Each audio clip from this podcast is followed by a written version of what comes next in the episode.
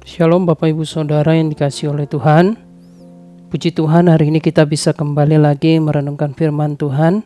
Sebelum kita merenungkan firman Tuhan mari bersama-sama kita berdoa. Kami mengucap syukur untuk hari ini karena Tuhan memberikan kesempatan kepada kami untuk merenungkan firman-Mu. Tuhan ajar kami akan kebenaran firman-Mu sehingga kami mengerti dan melakukan dalam kehidupan kami. Kami mengucap syukur dan berdoa di dalam nama Tuhan Yesus Haleluya Bapak Ibu Saudara kita akan merenungkan firman Tuhan dalam Hakim-Hakim pasal yang ke-17 Hakim-Hakim pasal yang ke-17 ayat yang pertama. Begini firman Ada seorang dari pegunungan Efraim Mika namanya. Berkatalah ia kepada ibunya Uang perak yang 100 yang 1100 itu yang diambil orang daripadamu Dan yang karena itu kau ucapkan kutuk Aku sendiri mendengar ucapanmu itu. Memang uang itu ada padaku. Akulah yang mengambilnya Lalu kata ibunya, diberkatilah kiranya anakku oleh Tuhan. Sesudah itu dikembalikannya nyala uang perak yang 1100 itu kepada ibunya. Tetapi ibunya berkata, aku mau menguduskan uang itu bagi Tuhan. Aku menyerahkannya untuk anakku supaya dibuat patung pahatan dan patung tuangan daripada uang itu, maka sekarang uang itu kukembalikan kepadamu. Tetapi orang itu mengembalikan uang itu kepada ibunya, lalu perempuan itu mengambil 200 uang perak dan memberikannya kepada tukang perak yang membuat patung pahatan dan patung tuangan daripada uang itu. Lalu patung itu ditaruh di rumah Mika. Mika ini mempunyai kuil. Dibuatnya lah efod dan terafim, ditabiskannya salah seorang anaknya laki-laki yang menjadi imamnya. Bapak Ibu Saudara tidak ada keterangan yang pasti mengenai siapa ini Mika kecuali dalam pasal 17 ayat yang pertama ini di mana dikatakan bahwa ada seorang dari pegunungan Efraim Mika namanya. Tidak ada keterangan yang pasti mengenai siapa Mika ini kecuali ayat yang pertama ini. Kalau kita memperhatikan ayat kedua sampai ayat yang ketiga, kita akan mengetahui bahwa Mika telah mengambil uang dari ibunya. Dia telah mencuri uang ibunya. Ayat yang ketiga dikatakan di sana bahwa jumlah uang itu adalah uang perak yang 1100 jumlahnya yang diambil oleh Mika kemudian Mika mengakuinya dan kemudian dia mengembalikan kepada ibunya. Ibunya tidak marah dengan apa yang dilakukan oleh Mika. Kemudian ibunya tidak bermaksud untuk mengambil uang itu kembali, tetapi Mika kemudian mengembalikan uang itu. Di dalam ayat yang keempat dikatakan lalu perempuan itu atau ibunya mengambil 200 uang perak dan memberikannya kepada tukang perak yang membuat patung pahatan dan patung tuangan daripada uang itu. Dari hal inilah kita tahu patung sesembahan Mika itu berasal dari uang 200 uang perak yang diberikan oleh ibunya kepada tukang perak untuk membuat patung yang kemudian patung itu ditempatkan di rumah Mika.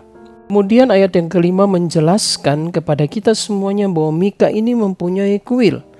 Kemudian dia membuat baju efod dan terafim, kemudian dia mentabiskan salah seorang anaknya laki-laki untuk menjadi imam. Saudara-saudara, di dalam ayat yang ketujuh sampai ayatnya yang kesembilan di sana dikatakan ada seorang muda dari Bethlehem Yehuda dari kaum Yehuda ia seorang Lewi dan tinggal di sana sebagai pendatang. Lalu orang itu keluar dari kota Bethlehem Yehuda untuk menetap sebagai pendatang di mana saja ia mendapat tempat. Kemudian di dalam ayat yang ke-9 dia bertemu dengan Mika dan Mika bertanya kepadanya, "Engkau dari mana?" Jawabnya kepadanya, "Aku orang Lewi dari Bethlehem Yehuda dan aku pergi untuk menetap sebagai pendatang di mana saja aku mendapat tempat." Ayat yang ke-10 dikatakan lalu kata Mika kepadanya, "Tinggallah padaku, jadilah bapak dan imam bagiku." Kemudian Mika menawarkan kepadanya maka setiap tahun aku akan memberikan kepadamu sepuluh uang perak, sepasang pakaian serta makananmu. Kemudian orang Lewi itu setuju dan dia kemudian ditabiskan oleh Mika dalam ayat yang ke-12 menjadi imamnya dan diam di rumah Mika. Kemudian Mika berkata, sekarang tahulah aku bahwa Tuhan akan berbuat baik kepada aku karena ada seorang Lewi menjadi imamku. Kisah ini sungguh menarik dan mengajarkan sesuatu kepada kita bahwa orang yang di luar daripada firman Tuhan, orang yang tidak ada firman Tuhan, maka akan melakukan segala sesuatu yang tidak benar sekalipun niatnya baik. Yaitu dia ingin memberikan yang terbaik untuk Tuhan sebagaimana yang menjadi niat daripada ibunya Mika bahwa dia ingin memberikan yang terbaik untuk Tuhan tetapi caranya salah oleh karena dia melakukan segala sesuatu dan dia berpikir itu adalah benar padahal itu tidak sesuai dengan kebenaran firman Tuhan. Bahwa firman Tuhan tidak mengajarkan kepada orang Israel siapa pun itu untuk membuat patung dan menyembah kepadanya. Ayat yang keenam dikatakan bahwa pada zaman itu tidak ada raja di antara orang Israel. Setiap orang berbuat apa yang benar menurut pandangannya sendiri.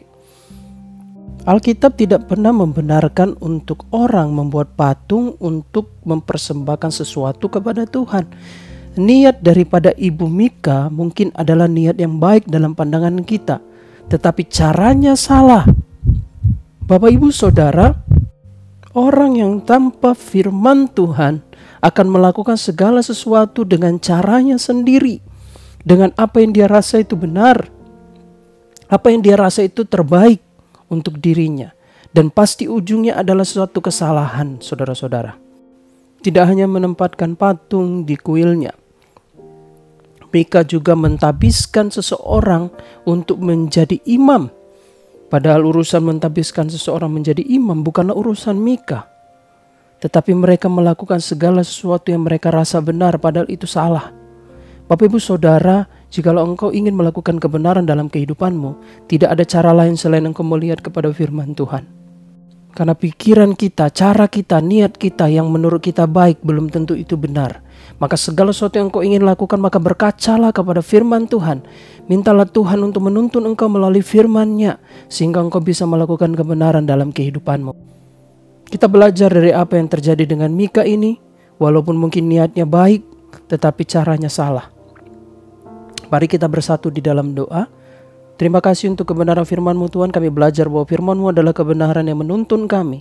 Sehingga melalui kebenaran firman-Mu kami bisa melakukan segala sesuatu yang benar yang mempermuliakan namamu. Bukan dengan cara kami, bukan dengan pikiran kami yang bisa saja salah ya Tuhan. Terima kasih ya Tuhan kami mengucap syukur dan berdoa di dalam nama Tuhan Yesus. Haleluya. Amin.